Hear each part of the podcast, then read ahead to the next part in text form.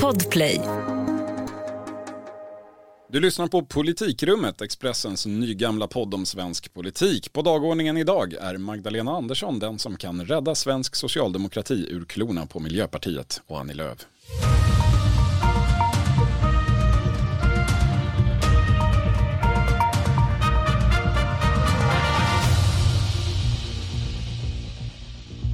Jag heter Viktor Bart Kron och med mig i politikrummet idag igen Helena Gissén. Hej hej. Och Thomas Nordenskjöld. Hallå hallå. Våra särskilt politiskt sakkunniga på Expressen. Hörrni, vi ska börja med ett meddelande direkt från Pyongyang framfört av valberedningens sammankallande Elvy Söderström. Och när de då har kommit fram med förslagen så har det visat sig att hela det socialdemokratiska partiets medlemskår har enats om att föreslå Magdalena Andersson till kandidat för att bli vår nya ordförande. Hela partiets medlemskår, solen sken på det heliga berget och Magdalena Andersson anlände efter en golfrunda på 34 slag. Känner ni er övertygade? Alltså jag tyckte Magdalena Andersson såg ganska besvärad ut av den här väldigt eh, devota framställningen på presskonferensen. Men samtidigt så får man ändå säga att det är ju det är roligt för Socialdemokraterna att de för en gångs skull har ett okomplicerat partiledarbyte. Ja men det här är väl sådär, det är precis så här de vill att det ska gå till. Eh, de är ju otroligt nöjda nu. Jag har varit utan, eh, utan stora falangstrider, utan några som har synts överhuvudtaget egentligen. Alla har bara slutit. Ingen har sagt någonting om politik på hela processen och då är den otroligt smidig. Ja nej, men precis, och det, alltså, egentligen så finns det ganska många kandidater som hade kunnat träda fram, man hade kunnat ha en mer öppen process, man hade kunnat få en debatt kring inriktningen, men det har vi inte fått och eh, vi vet fortfarande väldigt lite om vad hon vill och det är väl precis så de vill ha det då kanske. Men det finns ju ändå, eh, framstår det som nu ett starkt stöd, det finns en förväntan på vad det här partiledarskiftet ska innebära, det har pratats om vänstersvängar. Thomas, det verkar ju som att även den här vänsteroppositionen i partiet är lite nöjda med det här valet. Har de skäl att vara det? Nej men precis, det var ju, det kan man ju se att de som först gick ut och tog ställning för henne var ju de stora vänsterdistrikten med Skåne och Stockholms stad. Hon kommer ju själv från Stockholms län som ett högerdistrikt. Eh, och de har uppenbart förväntningar om att hon ska vrida politiken mer åt vänster. Och vad baseras det på? Eh, nej men det, något som har varit ganska viktigt här i den här bildsättningen av henne som mer vänster än den uh, avgående ledarduon Stefan Löfven och Mikael Damberg. Mikael Damberg är inte avgående men han har ändå varit med och stått för, en, för den politik som har... En, en, in, en inofficiell vice partiledare kan vi säga att Mikael Damberg har varit. Ja men det får man ändå säga. Eh, men det Magdalena Andersson har gjort då bland annat det är ju att hon har varit med och lett en jämlikhetsgrupp eh, som det har pratats mycket om internt. Eh, eh när den presenterades i våras eh, så kanske inte presentationen blev så lyckad som partiet hade tänkt sig. Det blev stora skriverier, svarta rubriker om eh, kraftigt höjd skatt på investeringsbar sparkonton, en så kallad miljonärskatt som skulle införas. Eh, men den här rapporten då, den var sprängfylld med ganska radikal vänsterinriktad politik. Eh, hon valde att sätta sitt namn på den eh, och har, och det där har ändå präglat bilden. Det hade inte Mikael Damberg gjort kanske? Det hade han inte gjort, det är jag ganska övertygad om. Men det finns ju de i partiet även på hög nivå, alltså riksdagsledamöter och så vidare, som faktiskt hävdar då att det här är en eh, taktisk fint, alltså att det var ren strategi, ett spel för att göra henne mer valbar då för vänsterfalangen. Sen finns det ju de också som menar då, precis som eh, ja, du nämner här, att, det, att hon är väldigt tydligt ideologiskt eh, vänster. Men det är framförallt, som jag har hört i alla fall, personer utanför partiet. Man ska också veta, budgeten nu i höst har ju rätt mycket vänsterinslag men i handlingarna till eh, S-kongressen i november så är allt sånt där borta som det har ställts krav på förmögenhetsskatt, arvsskatt, fastighetsskatt och så vidare. Så att hon navigerar ju skickligt mellan höger och vänster måste man ju säga. Verkligen, sprang in i Daniel Suhonen här som leder den numera största S-föreningen Reformisterna som ändå har varit eh, ganska eh, förhoppningsfull då när det gäller Magdalena Andersson. Och, Från att tidigare ha varit väldigt kritiska till hennes ekonomiska politik ska vi säga. Nej men precis, men, men nu konstaterar han efter de här avslagen av alla möjliga då skattehöjningar som då skulle bidra till den här jämlikheten som hon har talat sig varm för så sa han att det här riskerar att bli den, den, den kortaste vänstersvängen i historien. Vi, vi får väl se. Men, men man kan ändå säga, det, det, det har ändå hänt någonting. Det, det, det, finns någon form av substans ändå i det här pratet, men det kanske inte handlar så mycket om Magdalena Andersson som om tiden hon verkar i. Det finns någon form av vänstervind i den ekonomiska debatten generellt. Ja men så är det ju. Hon, hon är ju som liksom den ekonombakgrund hon ändå har. Eh, så antar jag att hon eh, på något sätt ändå har haft örat mot rälsen, lyssnat in hur, hur, hur tongångarna går. Och de har ju förändrats jättemycket under hennes tid. Som, från att hon kom in i politiken på 90-talet eh, till idag så har det skett någon form av ja, men nästan paradigmskifte i, den, i, i, i debatten. Eh, och numera så är ju även inter, internationella institutioner, liberala ekonomer förespråkar ju en mer, eh, en mer ja, men det vi kanske skulle betrakta som en mer vänsterinriktad politik för eh, ökad jämlikhet, minskade klyftor och så. På så sätt är den här januaripolitiken, eh, ja, men den är skulle, ja, ganska daterad egentligen. Så Helena, man kanske kan säga att hon kan vara faktiskt en högersosse men ändå stå för en vänstersväng om hon bara följer tidens vind.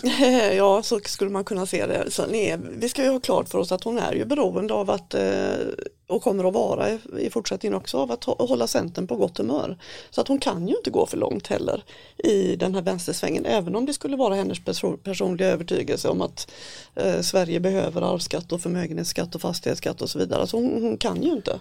Nej men precis, jag tror, jag tror att hon, hon är ju, det man tror jag ser också är att hon är ju ganska mycket av en men en, en klassisk socialdemokrat eh, som är, eh, som är gärna är liksom mer vänster i retoriken och i tanken men när det kommer till praktisk politik så, eh, så som vi nu ser då när hon eh, avslår eh, när, när man avslår olika motioner om, om höjda, eh, höjda skatter så, eh, så är man inte villig att gå fram med, med förslag som, eh, som retar upp medelklassen. Nej och hennes ambition eller hennes viktigaste uppgift är ju att vinna val och hon vet ju att hon inte gör det om hon lägger eh, en tung skattebörda på medelklassen. Så enkelt är det ju. Det var en sak som sades i Agenda här i, i söndags eh, på SVT som fick mig att känna att det kanske ändå inte står någon större planekonomisk eh, omdaning för dörren. Det handlade om förslaget om eh, vinstförbud i skolan och Magdalena Andersson sa så här. Jag tycker att det är ett ytterst bra förslag och det är ju inget konstigt. Jag menar, en, del, en del porträtterar det här som att det skulle vara socialism eller någonting. Jag menar, i, så fall är ju social, i så fall är ju USA en stor socialistisk förebild, eller Schweiz. Som är, det är helt oresonligt hur debatten ser ut i Sverige. Ja, det är uppenbart absurt att anklaga den tillträdande partiledaren för ett eh, demokratiskt socialistiskt parti för socialism. Men Thomas, det, vi, vi, det, här återstår ju att se, men det finns några beslut som kommer i hyfsad närtid som kan vara, visst, kan vara lite avgörande för vilken riktning det här tar.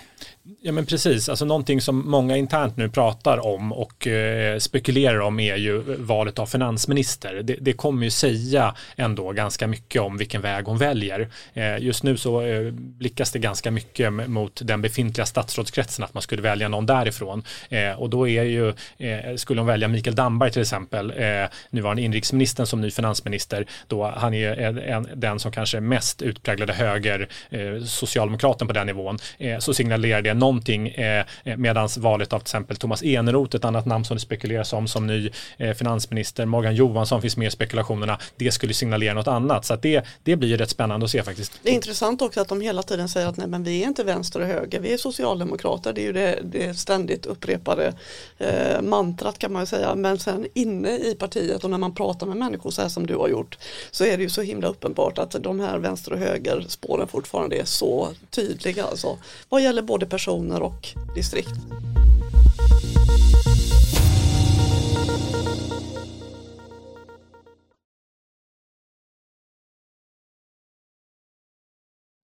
Politikrummet är ju en podd från Expressen och vår politikbevakning består av betydligt mer än så.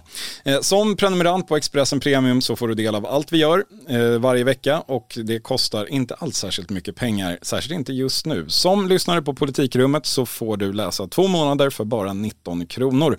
Därefter ordinarie pris 79 kronor i månaden om du vill. Ta del av det här erbjudandet, teckna upp det redan idag på expressen.se PR-kampanj, där PR alltså står för politikrummet.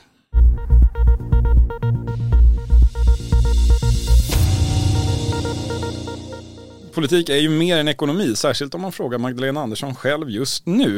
Eh, det var ju så att när hon hade den här presskonferensen och presenterade som partiledarkandidat, den enda upphöjda, eh, självklara partiledarkandidaten, eh, och fick chansen att sätta sin egen agenda, då var det inte ekonomi hon tog upp först, utan snarare det här. För det första, vi plågas ju nu av en gängkriminalitet som inte hör hemma i vårt land. Så här krävs ju en fullskalig mobilisering av hela samhället för att ta tillbaka kontrollen från gäng som ju håller hela bostadsområden som gisslan. Och de flesta som skjuter och spränger, de är födda här i Sverige. Men allt för många har föräldrar som inte har blivit en del av vår samhällsgemenskap. Här krävs tydliga krav på den enskilde, men också att samhället möter upp i större utsträckning. Och jag är, om jag blir partiordförande, beredd att vända på varenda sten för att det ska bli verklighet. Det här äh, presskonferensen skedde ju dagen efter eh, den här sprängningen som hade skett i Göteborg. Och man kan ju tänka sig att det här ändå präglades delvis av det. Då visste vi ännu inte vad, det, vad, vad, vad den berodde på, men eh, känslan, bilden var ju då att det, det var gängrelaterat. Att det var gängrelaterat, ja precis. Men, men Visserligen så, men samtidigt ingen tvingade henne att göra den här kopplingen som hon gjorde mellan då gängbrottsligheten som hon gick till storms mot och eh, integrationen, invandringen. Eh, jag reagerade på det för det är ju, eh, jag tror inte att det var en slump. Det var ju det är precis den här frågan och kopplingen däremellan som hennes företrädare då, om allt går som det är planerat, Stefan Löfven har vridit sig som en mask runt i flera år och haft väldigt stora problem med hur han ska förhålla sig till. Morgan Johansson, justitieministern, har också varit väldigt ovillig att diskutera de här termerna. Nu gjorde hon det på sin första presskonferens. Jag tror inte att det var en slump Helena? Nej jag tror verkligen heller inte att det var en slump och det finns väl flera skäl till det. Dels så tror jag att det är personlig övertygelse. Numera så är hon i värdefrågor eh, helt klart eh, på högerkanten. Hon har sagt att eh, man ska inte ge pengar till tiggare. Hon har sagt till asylsökande att de ska söka sig till något annat land och så vidare. Men frågan är väl hur långt hon kan gå i det här avseendet innan hon får stora delar av partiet emot sig faktiskt. Det, det, är också intressant tycker jag att de, här, de, de runt henne har ju varit måna om att, att liksom sätta bilden av henne som, som då, som vi sa tidigare, dels vänster i ekonomiska politiken men också hökaktig i de här frågorna. Eh, och eh, man kan ju dra sig till minnes att eh, där under flyktingkrisen 2015 eh, så var ju faktiskt, det är min bild, den har jag fått eh, från väldigt centralt placerade källor, eh, så var Magla Andersson den i stor utsträckning eh, som liksom slog larm i regeringen, såg att någonting håller på att gå snett. Eh, man såg på Finansdepartementet att eh, de här kraftigt ökade flyktingströmmarna kom, är helt ohållbara hållbara eh, och det var Magdalena Andersson och hennes eh, statssekreterare Max Elger eh, som låg bakom eh, den konstruktion som, som, som knäckte Miljöpartiet som handlade om att man hotade att finansiera hela flyktingmottagandet över biståndsbudgeten genom väldigt kraftiga avräkningar. Eh, och det, så att det är liksom Magdalena Andersson som den som egentligen fick Åsa Romson att brista i gråt. Det, eh, det, det är man inte heller helt, det, man, man liksom, de runt henne har inget emot att man, man, man säger detta men, men jag tror också att det faktiskt är, är det ligger mycket i det. Jag tycker det är intressant att hon tar upp eh, saken på det sätt hon gör också, att det handlar om eh, att hon gör den tydliga kopplingen till att det är andra generationens invandrare då som man kan prata om det på det sättet, eller svenskar med utländsk bakgrund som man kanske egentligen ska säga. Det signalerar ju också en väldigt betydande utmaning för då om man följer det tankespåret som hon uppenbarligen har så rotar sig dagens då problem i saker som hände på 80-90-talet snarare vad gäller bristande integration. En tid då vi tog emot betydligt färre än vad Sverige har gjort de senaste åren. Jag räknade lite på det med, med Migrationsverkets tabeller. Vi hade 600 000 uppehållstillstånd utdelade mellan 80 och 99 eh, och de 20 åren som följde på det över 2 miljoner. Det, det hon försöker säga här uppfattar jag är att det finns en enormt stor uppgift att göra det här bättre nu. Eh, jag känner nästan att har man den här problembeskrivningen så ställer det nästan i sig självt ett krav på ganska radikala förändringar i politiken. Vad tänker du Helena? Ja, man ska ju också komma ihåg att det här är ett sätt att desarmera oppositionen därför att eh, de tjänar ju enormt mycket på att den här frågan är på dagordningen. Moderaterna och Sverigedemokraterna har ju lag och ordning och, och eh, hårdare tag som sitt absoluta trumfkort. Så att det är klart att genom att prata på det här sättet och kanske också eh, ta initiativ som är, är lite mer radikala än vad det har varit hittills men vad skulle så. det kunna vara tänker jag? jag? Är ganska osäker själv. Vad, vad finns i verktygslådan? Vad, vad, kan komma upp för? Det är som att vissa problembeskrivningar ställer ju i sig självt krav på, på, på ganska dramatiska omläggningar av politik. Jag upplever att det här är en sån. Det blir svårt att, att prata om problem på det här sättet och sen fortsätta ungefär som tidigare. Men vad finns det? Vad, vad kan Nej, man men alltså Det sig? finns ju ganska stora skillnader i, eh, i, i förslag mellan partierna. Alltså man upplever nog, många upplever nog tror jag att Socialdemokraterna och regeringen har varit ganska försiktiga. Att de har justerat, eh, gjort många straffskärpningar absolut men ändå att det är justeringar på marginalen medan då oppositionen vill gå mycket längre i vad gäller till exempel det här med anonyma vittnen och visitationszoner och, och Moderaterna pratar ju om terror eh, lagstiftning för att komma åt gängkriminaliteten och så vidare. Eh, så att eh, ja, det, det kan väl hända att hon sitter inne med tankar på ganska mycket mer radikalt. Just nu pågår vår stora season sale med fantastiska priser på möbler och inredning. Passa på att fynda till hemmets alla rum, inne som ute, senast den 6 maj.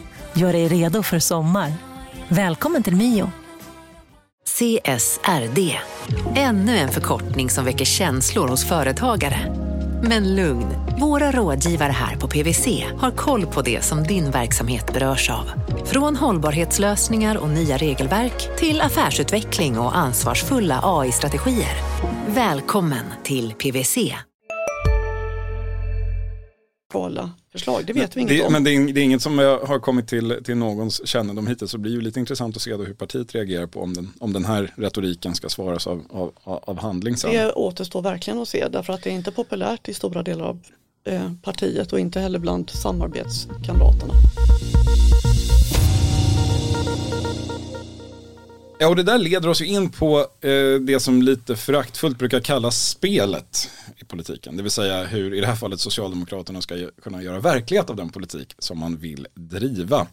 Eh, ungdomsförbundet SSU kom med ett lite överraskande initiativ i den här frågan nu i fredags eh, på Expressens debattsida, Helena. Ja, man måste ju ändå säga att det där var en väldigt märklig debattartikel. Eh, en märklig testballong faktiskt. Det står i den där artikeln att nu när januariavtalet har fallit så borde Socialdemokraterna lägga fram förslag till exempel om begränsad arbetskraftsinvandring, stoppad privatisering av Arbetsförmedlingen och höjda pensioner och då ska man söka stöd av Vänsterpartiet och av alla högerpartierna inklusive Sverigedemokraterna och de skrev då till exempel att eh, vi måste erkänna att Sverigedemokraterna har rätt om pensionerna.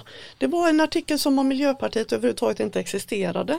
Eller som att den socialdemokratiska regeringen inte var beroende av Centerpartiet nu för att få stöd för sin budget, statsministeromröstning och så vidare. Helt märkligt. lite frikopplat från, från de tråkiga förutsättningarna på marken. Lite kanske ungdomsförbundets roll kan man invända då. Eh, och de, de lät ju faktiskt lite som, eh, tänkte jag på, som Anna Kinberg Batras moderater omkring 2016 i det här att vi måste självklart kunna lägga fram vår politik i riksdagen och så eh, om, om Sverigedemokraterna skulle rösta på den så kan vi ju inte ha något emot det det, alltså en vilja att använda majoriteter. Skillnaden, där har du ju rätt Helena, det är ju att Moderaterna var då i opposition. Socialdemokraterna sitter i en koalitionsregering och det, det, det gör ju förutsättningarna kanske lite annorlunda. Men, men det, jag, jag, känner ändå att de, de, är ju någonting på spåren här. Ja, nej men precis och de, det uppstod inte heller i ett vakuum. Alltså, min bild när man pratar med företrädare för SSU eh, är att de de delar inte den övergripande maktstrategin som, som partiet har haft eh, under senare tid, där eh, den här konflikten kring SD, att utmåla SD som ett hot mot demokratin, eh, där även då Moderaterna som vill samarbeta med SD därmed blir någon form av hot mot demokratin. Eh, de, de tror inte på det, de tycker att partiet i mycket större utsträckning ska prata eh, om eh, och föra fram den egna politiken och söka en mer, mer av en höger-vänster-konflikt, eh, eh, även om det sker till priset av att man hamnar i en konflikt med Centerpartiet Centerpartiet till exempel då eh, och att det kanske kortsiktigt riskerar eh, eh, maktinnehavet så, så, är, så är ändå liksom analysen är att man måste mera föra fram den egna politiken. Ja, här ska man komma ihåg också att Vänsterpartiet drar ju också i den riktningen. Alltså de har ju också släppt tyglarna lite grann. Även om de fortfarande säger att vi kommer absolut aldrig någonsin att förhandla med Sverigedemokraterna så är det ju ändå uppenbart efter sommarens regeringskris att de är beredda att gå ganska långt för att eh, få stöd för sin politik. Och eh, socialdemokrater är naturligtvis nervösa för vad som händer inom Vänsterpartiet nu eh, eh, med hennes framgångar och så vidare. Men jag tänker också på att alltså, om vi ändå börjar i sakpolitiken eh, faktiskt, trots att vi då pratar om det som brukar kallas spel. Alltså om man vill genomföra en socialdemokratisk politik av det slag som, som vi har varit inne på att man tror att Magdalena Andersson vill, med en, då kanske en, det man skulle kalla en vänstersväng inom pensioner, socialförsäkringar och eh, eh, mera styra upp staten eller vad Moderaterna skulle kalla det. Alltså lite hårdare tag på det kriminalpolitiska och eventuellt även migrationspolitiska området. Så är ju det väldigt svårt att göra inom ramen för den här nuvarande maktstrategin. När man har satt sig med Vänsterpartiet, Miljöpartiet, Centerpartiet och Miljöpartiet dessutom i regeringen. Däremot finns det majoriteter för mycket av den här politiken och det är det uppfattar jag som SSU är inne på. Det finns ja, men majoriteter hur ska det gå till? Alltså det är en liten detalj då att Miljöpartiet sitter med i regeringen. Ja, men jag tror att det är en del av planen om det nu finns en och jag vet inte hur genomtänkt den är. Men eh, vi brukar ju prata om Danmark som någon slags förlaga eller förebild för, för åtminstone delar av Socialdemokraterna. Det, det är lätt att, då tänker man bara på att det är en viss typ av politik eh, mot invandring och så.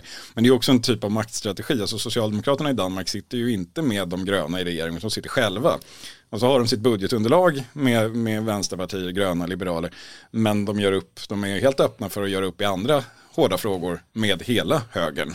Och blir ju därigenom ett slags eh, nav för politiken som kan hitta majoriteter. Precis som Moderaterna vill göra från sitt håll i Sverige. Och det jag uppfattar att det är det som är planen här, att Miljöpartiet ska inte sitta i den där regeringen. Det var ett misstag att de gjorde det från början.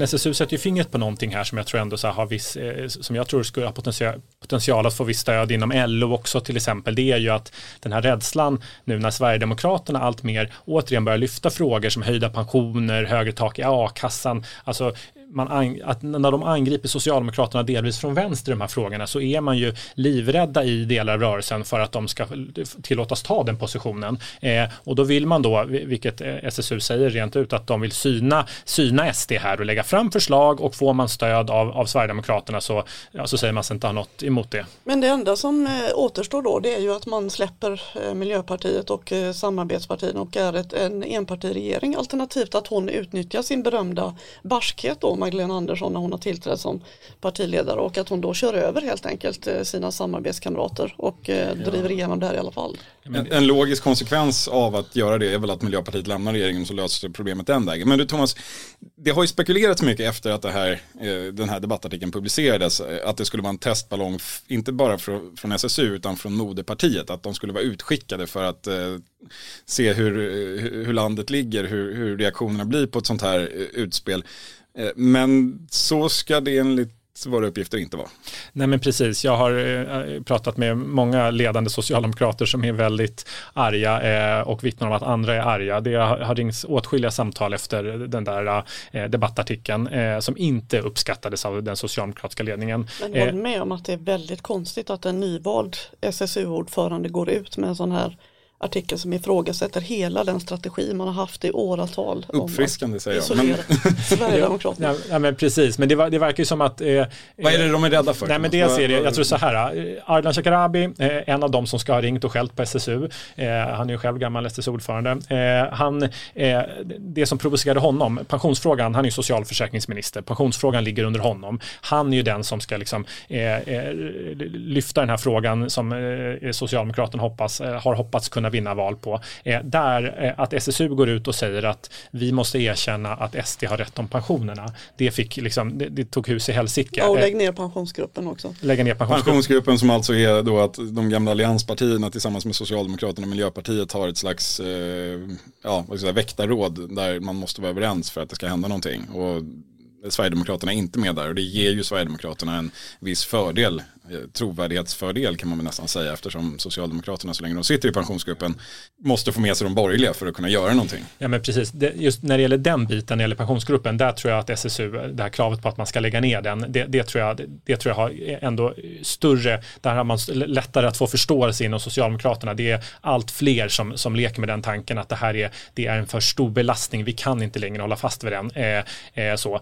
Eh, men den andra delen i, i, detta, eh, liksom, i denna SSU-artikel, i detta inspel från SSU, eh, handlar ju om hela maktstrategin, att man ifrågasätter, eh, det anses underminera eh, Socialdemokraternas maktstrategi då som vi pratade om, det här med att eh, en huvudkonflikt kring SD och den här liksom brunsmetningen eller vad man väljer att kalla det. Ja, vilket det såklart gör i någon mån, alltså det, det, det man tänker sig att eh, partiet skulle vara intresserad av att testa den här vägen så kommer man knappast göra det före valet då. För man är beroende av att eh, dels hålla ihop sitt regeringsunderlag, alltså Centerpartiet ska hållas kvar på, på rätt sida av historien som man säger. Och det blir ju inte längre rätt sida av historien om även S skulle vara öppet för att göra upp med SD. Då, då faller ju liksom det argumentet. Det är det som gör det här så otroligt märkligt. Ja, men och det är det också som, för det, det är det folk säger till mig också, att det, förutom att Ardalan Shekarabi och hans eh, gäng eh, eh, har varit arga så har även de runt Stefan Löfven och i partiledningen i övrigt varit arga. För det är det känsliga för dem runt Stefan Löfven. Eh, att man, eh, man ifrågasätter hela det, liksom man underminerar en maktstrategi inför en väldigt känslig statsministeromröstning där allt handlar handlar om att den här konflikten kring SD. Och det leder ju tillbaka till Magdalena Andersson då som ju, ja förvisso var Stefan Löfven partiledare även på den tiden, men, men den här metodiken att lägga fram förslag i riksdagen som får stöd av SD och därmed vinner. Den var hon ju ganska tidig med att, pröva på där 2013 när man eh, valde att gå in och bråka med alliansens budget och stoppa skattesänkningar och sånt. Men då satt de i opposition och det var en ganska liten struntsak. Ja, det, men, men, men det, det, är ju någonting som de borgerliga gärna återkommer till när, när det gäller huruvida man kan göra sig beroende av Sverigedemokraterna inte. Men, men är inte det också lösningen på alltihopa? Eller, eller inte det svaret på allt? Så länge Socialdemokraterna har den här regeringen eh, på de här premisserna som man nu har så är det här oerhört dumt eh, av SSU att säga. Men den dag man eventuellt skulle hamna i opposition då kommer det väl kanske vara alldeles självklart att man måste värna svenska pensioner och att eh, lägga fram sin politik i riksdagen måste ja. ju alla kunna göra och de kan ju inte hjälpa om Sverigedemokraterna röstar på den, eller hur? Nej men precis, jag, tr jag tror det, att det, det vore livsfarligt. Det är man ju, man, Socialdemokraterna är ju inte så pass dumma att de inte har sett eh, hur jobbigt det var för Moderaterna eh, i början eh, att förhålla sig till, till, till Sverigedemokraterna när Sverigedemokraterna blev den enda eh, riktiga oppositionen med decemberöverenskommelsen eh, som slöts och så. Så att det är ju att Socialdemokraterna skulle avstå från att eh, lägga fram en politik i rädsla av att man skulle bilda en majoritet med Sverigedemokraterna i för eh, LO-grupper väldigt viktiga frågor när det gäller tak i a-kassan och annat. Det, det är närmast utslutet. Så att jag tror precis som du säger här att eh, i ett läge där S hamnar i opposition så, eh, så kommer man eh, definitivt att eh, söka samsyn eller då syna SD i de här frågorna. Med en härlig svekdebatt som följd. Men det är, den, det, det är ett senare problem.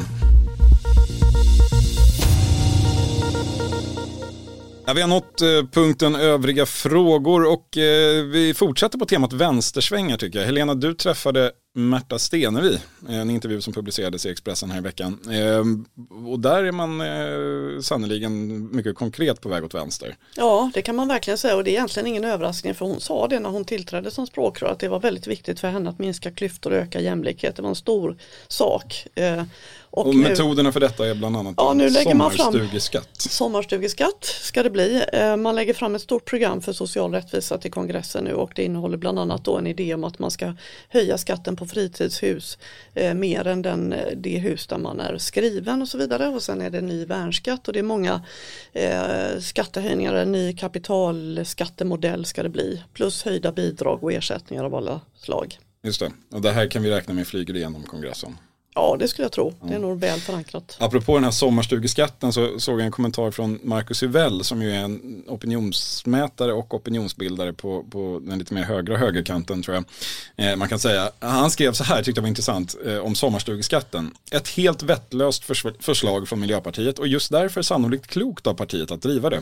Om inte Miljöpartiet vågar göra majoriteten av väljarna förbannade kommer partiet försvinna. Små partier i skalans utkant måste våga vara obekväma. Thomas, vad tänker du om det?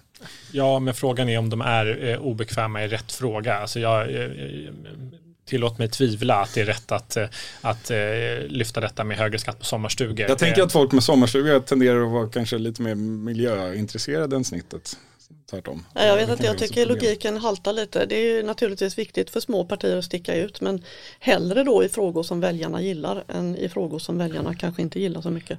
Ja men alltså när, när, när Miljöpartiet då har tagit strid för eh, biltullar eller mot motorvägsprojekt och sånt där, då tror jag att där finns det, där har man mycket lättare att få med sig den här eh, väljargruppen av, som i ganska stor utsträckning eh, är innerstadsbor i Stockholm och Göteborg, Malmö, Lund, Uppsala, eh, snarare än att eh, eh hårdbeskatta deras sommarstugor. Eh, det tror jag är en svårare väg, men vem vet. Vi får se. Apropå Miljöpartiet, apropå relationen mellan Miljöpartiet och Socialdemokraterna och apropå Socialdemokraternas eh, ledarval, i den mån det var ett val, så medverkade Annika Strandhäll tidigare ministern i Agenda i söndags och eh, uttalade sig om skillnaderna mellan de två partierna på följande sätt. Man tittar på Miljöpartiet där det gick ut en kandidat varannan dag och sa att jag vill gärna bli eh, nytt språkrör. Och samtidigt så måste man då komma ihåg att Socialdemokraterna är en helt annan typ av parti. Vi är ett, ett statsbärande parti. Ja, efter sju års koalitionsregerande så är det fortfarande Socialdemokraterna som är det statsbärande partiet i det äktenskapet. Eh, vad, vad, vad, tänker man som miljöpartist om den här beskrivningen, Helena? Ja, de vill nog också jättegärna vara statsbärande, men jag tror man, att... Man undrar hur många år till det skulle kräva i den här regeringsbildningen innan de också kan få vara med och, och dela på, på, på äran av att faktiskt leda landet. 40-50. Ja, vi får se om det blir så många. Vi får se vad Magdalena Andersson har planerat den dag hon börjar uttala sig lite, lite tydligare själv om den saken. Thomas, Helena, tack för att ni var med här idag. Tack själv. Eh, tackar, Politikrummet fortsätter att bevaka det som händer i politiken senast närmast ska jag säga nästa tisdag. Här på Expressen, följ oss även fortsättningsvis. Tack för att ni lyssnade idag. Hej då.